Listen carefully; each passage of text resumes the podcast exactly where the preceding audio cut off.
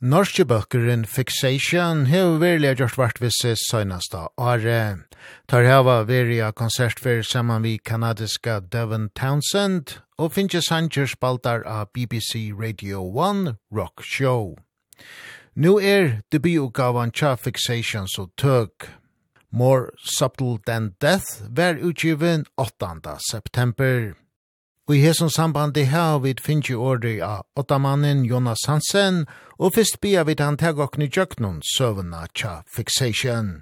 Fixation, det startet egentlig i 2011, da vi gikk på ungdomsskole.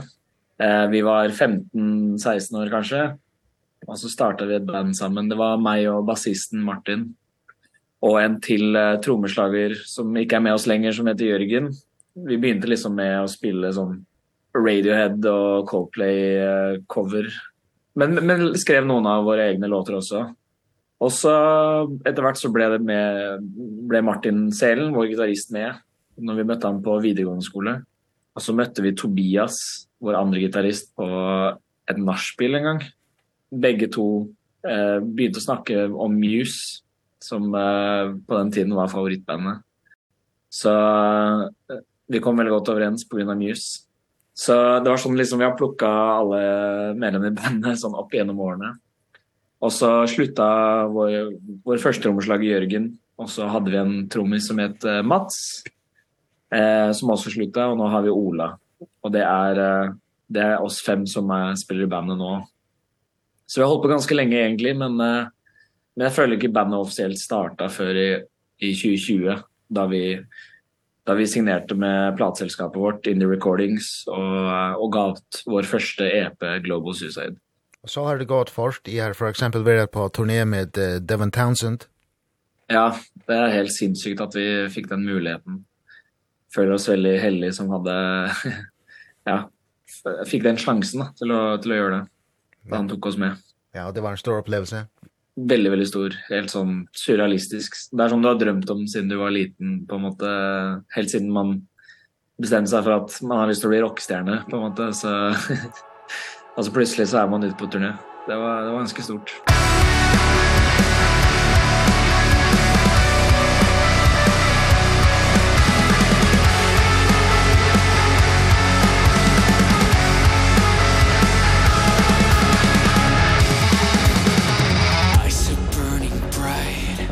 fires that you have helped ignite. And you came just so you could start a fight. Don't give a fuck about your revolution right? Do you think it's justified to spread a lie? By shoving my face into the pavement.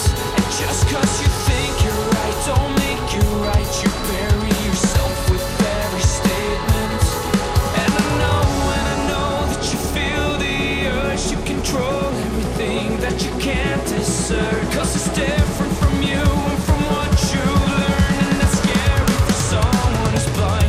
back has been turned.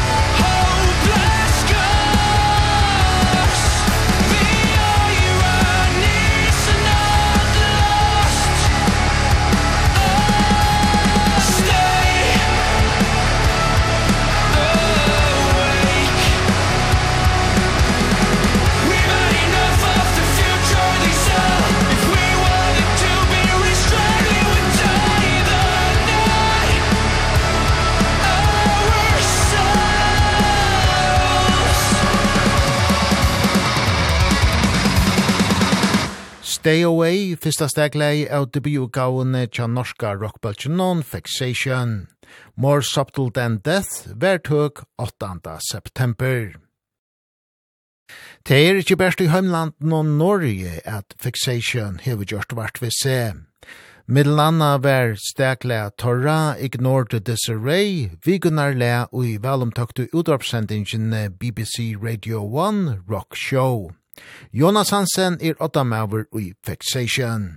Gjennom, uh, gjennom plateselskapet vårt og gjennom uh, vårt presseselskap i England så fikk vi sendt vår første singel fra albumet Stay Awake til uh, BBC med uh, Daniel P Carter da, som som är er, uh, vart för uh, Radio Rock show och han spilte den låta och efter det så spilte han det, hver eneste singel fra fra albumet.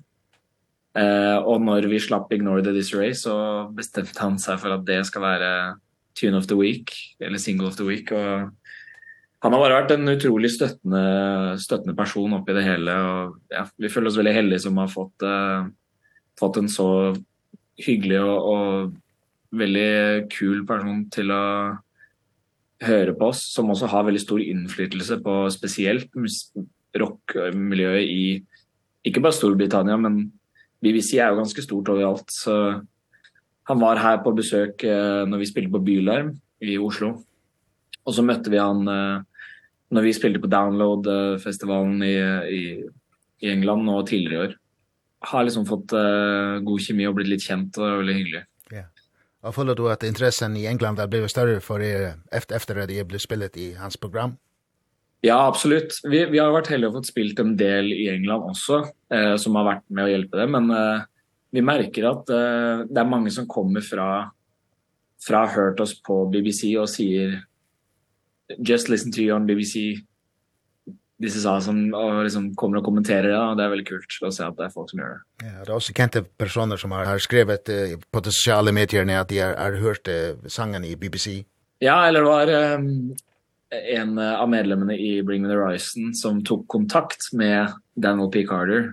Og Bring Me The Horizon er et av våre største idol, eller våre, en av våre favorittband som, som Fixation. Og eh, det var veldig stort å høre at han hadde tatt kontakt med Daniel P. Carter for å, for å høre hva, hvilket band er det her. Eh, på en måte, det, ja. Det, det føltes som en veldig sånn ære å få den, ja. den beskjeden.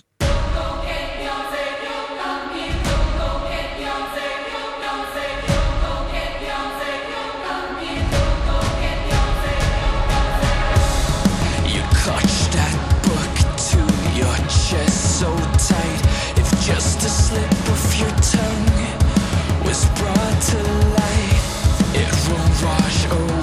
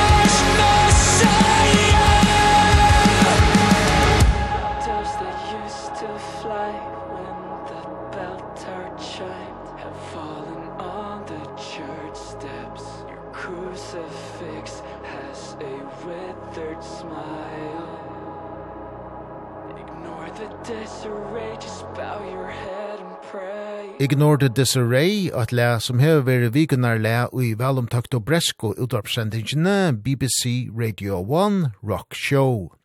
Leie er vi at debutgavene tja norska rockbølgen Non-Fixation. More Subtle Than Death, som var utgiven 8. september. Tilgangten til utgavene hever vært drikk, og vi skulle holde troja at rutøyene for å finne Brianina. Jonas Hansen var vi fra Brian. Det har vært en veldig lang prosess, egentlig. Eh, vi startet å skrive albumet i slutten av 2020, og um, vi, vi begynte vel egentlig, vi visste at vi skulle lage et album, men vi begynte vel med noen singler, og de, de første singlene vi hadde klare var Stay Awake og Claustrophobic, som er de to første vi slapp. Og så ble det liksom litt sånn, eh, vi hadde ikke hele albumet klart i det hele tatt når vi begynte å slippe musikk, så vi slapp de to singlene, Och så var det sånn, ok, vi, vi må jo lage resten av albumet. og så var vi på en måte ikke helt, jeg tror ikke vi var forberedt nok, og jeg tror ikke vi var klare nok for å skrive det hele albumet ferdig på den tiden. Det ble en mye lengre prosess enn det var planlagt. Det ble liksom, ja, det tok jo på en måte nesten tre år før det kom ut, liksom. Eh, som er sinnssykt lenge. Men, men jeg tror det er en, det, det er jo, altså vi har vært treige og en av grunnene tror jeg også har vært at vi, vi begynte å slippe ting før vi hadde noe større klart da. Så det ble en veldig mye sånn fram og tilbake type situasjon hvor ja, jeg tror ikke jeg tror vi fokuserte litt mye på detaljer og pirking og ikke bare i musikken, men i liksom det visuelle og alle sånne ting at det tok så sykt mye lengre tid enn det trengte å gjøre. så Men jeg är veldig glad för att jeg är ute nu. Vi, vi driver och skriver musikk hele tiden och, og det går mycket fortare nu märker jag än det, enn det har gjort någon gång før. Nu kommer liksom låtarna på löpande bånd. Och vi vet hvordan vi ska jobba med låtarna mycket mer utan att det blir en sån skikkelig pirkejobb som halter processen för mig då. Så det jag føler vi lærte väl mye. det var en väldigt bratt læringskurve, men vi lærte utrolig mycket från från att laga det albumet Da som jeg tror vi kommer att ta med vidare i i ny musik och gjøre att det det prosessen går mye fortare och jag tror mye bättre också.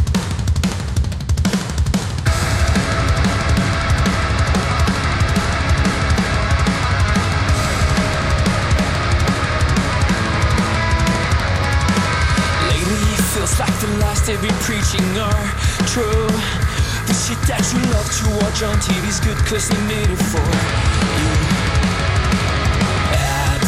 choice your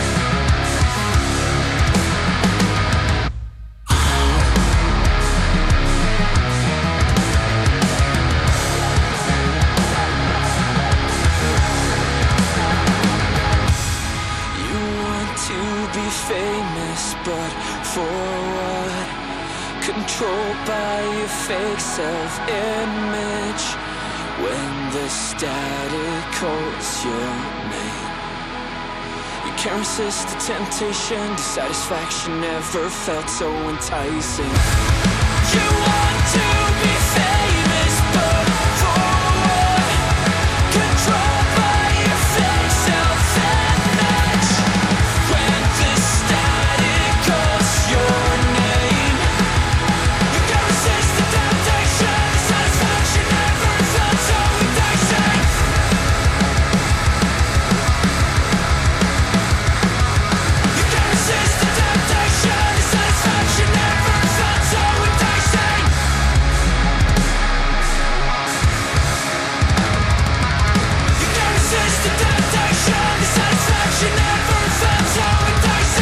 Alive og et le av More Subtle Than Death, debi utgavene tja norska rockbølgen on Fixation, og en utgava som øvla tjevera dokna ser 8.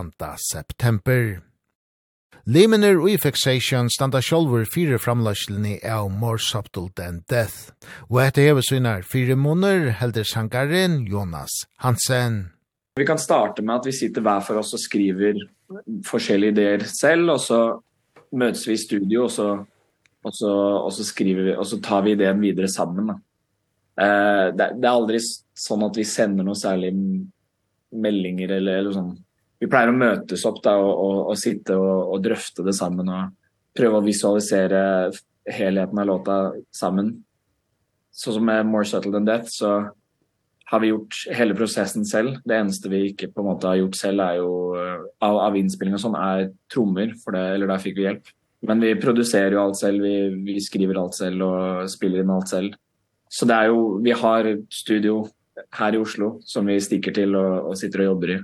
Och vi eller vi har flera städer som vi drar till så jag tror också vi får en mycket mer kreativ process av att sitta samman fysiskt än än att liksom sända meddelning på på Facebook eller eller något sånt. Och så tar vi det med ett studio, sitter vi och jobbar lite samman och så kan man ta det med hem och så sitte och se på lite alene kanske kommer på några idéer och så när, när vi drar till studion nästa dag så så har man något nytt att ta med på en måte.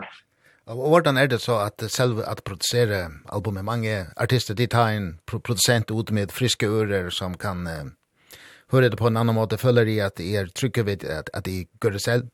Vi er jo vi er veldig forskjellige, vi fem i bandet. eh, så vi, vi tar veldig utgangspunkt i at hvis, hvis noen skriver en låt, så, så får vi synspunkter fra de andre eh partner i bandet. Men vi har ju också folk vi jobbar med som for exempel folk i platssällskapet som vi som vi stoler väldigt på. Eh det det är på något sätt vår bandfamilie eh som vi tar med inn. Og så är vi liksom vad tänker ni om det här? Vi spør vänner är det här en riktig följer det här är riktig väg att gå eller är det något vi blir kanske göra? Vi har ett väldigt brett musikmiljö här i Oslo så våre nærmeste venner er musikere, og det å liksom kunne spørre folk hva de syns, eh, gir jo på en måte det samme kanskje synspunktet på det som en produ ekstern produsent ville gjort. Da. Og så er det noe med å produsere selv som gjør at vi, vi får liksom akkurat det vi er ute etter av sound. Vi, vi kan visualisere det, og så kan vi lage det på en måte, uten at vi trenger å forklare veldig mye. Vi har... Eh, Martin uh, Selen gitaristen vår og Tobias eh uh, andre gitaristen vår de det er de som i hovedsak produserer eh uh, musikken og eh uh, de er veldig dyktige. Så det er ja, jeg syns den, den prosessen fungerer veldig bra nå. Jeg tror sikkert i fremtiden så kommer vi sikkert til å ville ta inn eksterne produsenter bare for å prøve det ut og teste ut og se hvordan det er. Eh men akkurat nå så har det funket bra for oss. Uses don't show pain is still unbearable.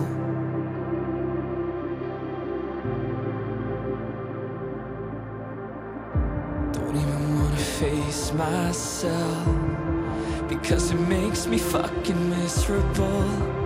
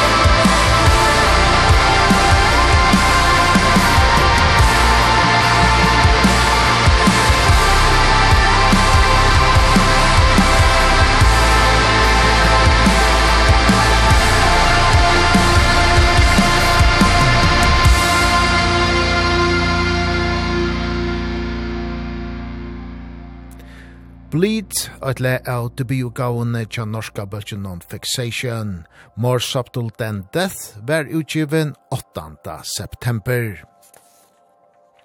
Vi tar så i kvöld vi Jonas Hansen, åttamannen ui just fixation.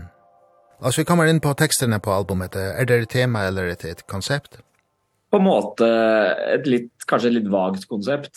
Det er jeg som skriver tekstene.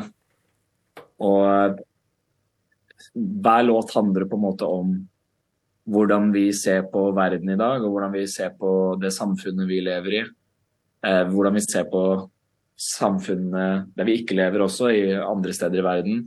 Og det er jo i hovedsak kanskje den røde tråden er det her er ting vi har lyst til å se endring i for en bedre fremtid. Eh, eller ting vi synes er urettferdig, eller... Eh, så den, den røde tråden er, eller den, det konseptet er kanskje ikke sånn eh väldigt väldigt eh visuellt tydlig men eh, där är i alla fall alla låtarna har forskjellige synspunkt på samme ting då på en måte. Eh, men jag älskar konceptalbum och och har väl lyst til å skrive mer konceptuellt fremover med, med ny musikk. Eh, till den grad hvor det är lite mer, kanske lite mer historiebasert eller lite mer... Eh, detta är väldigt tydligt akkurat det det handlar om, sånn där följde det mer enklare att jobba med det visuella och och eh både på på scenen och på musikvideor och artwork men också i musiken.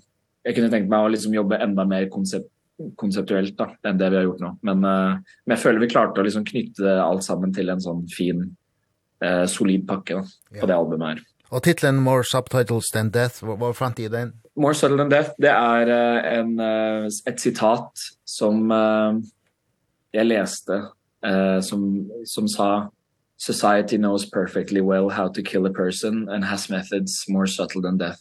Eh, og jeg synes på en måte hele den, det citatet oppsummerte albumet veldig godt. Det oppsummerte alle tekstene i alle låtene på albumet veldig godt. Och så är det sitatet lite långt så jag tänkte more subtle than death. Den, den, den är väldigt tydlig, den är väldigt klar, och så är den lite artistisk eh, sammanslängen. Eh, samtidigt som jag följer den säger väldigt mycket om vad vad albumet handlar om. Ja, den bara snackade till mig med en gång jag läste och jag kände att det uppsummerade det på en väldigt ja, det är riktigt måte. Raw feelings in your eyes Always looking for someone that you can blame There's no ground beneath your feet Your absent evidence is proof. Enough.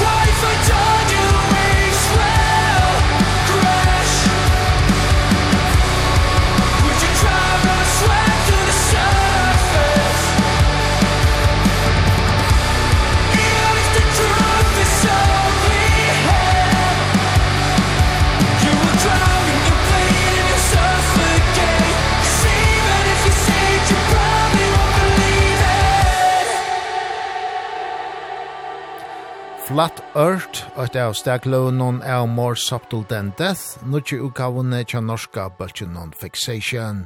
Debututgava torra hver tøk 8. september.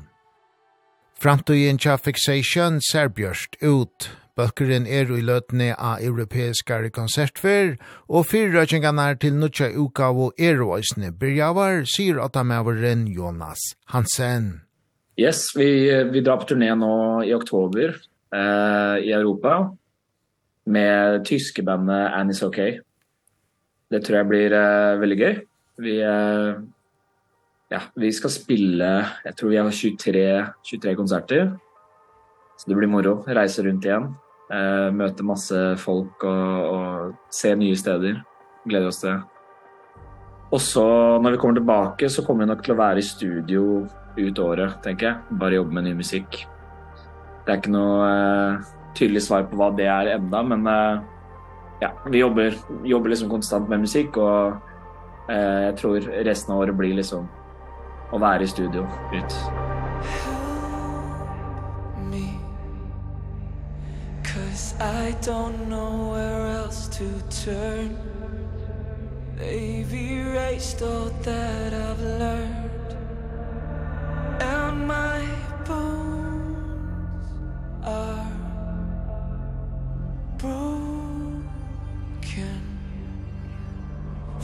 the beating that they gave Taught me how I should behave And their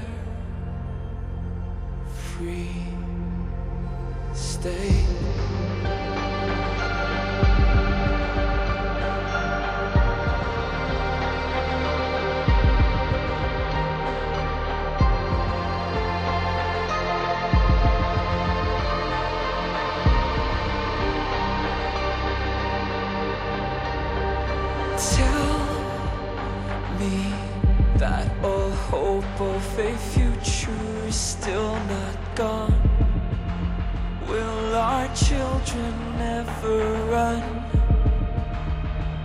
these safe streets. Tell me where do we go from here? There are no trees in the woods. They're all burning down like matches.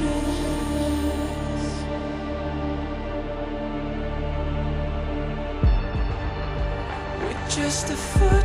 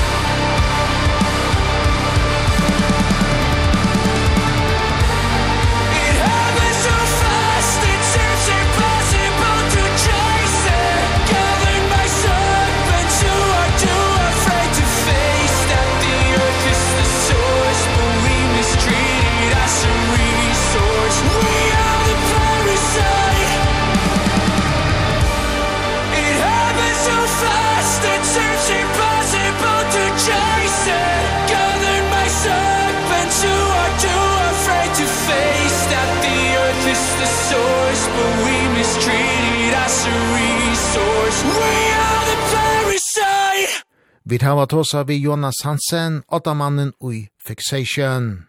Norska bøltjen noen som virkelig høy finnes vind i seklene, søgnast av Are. Tar hava mittelen anna virkelig konsertfer saman vi kanadiska Devin Townsend og finnes Sanger spaltar av BBC Radio 1 Rock Show.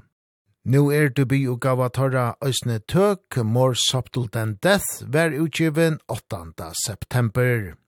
Vi enda av å prate vi Jonas Hansen vi at høyra dystopia, sønnes og skjering av første røyndene tja fixation.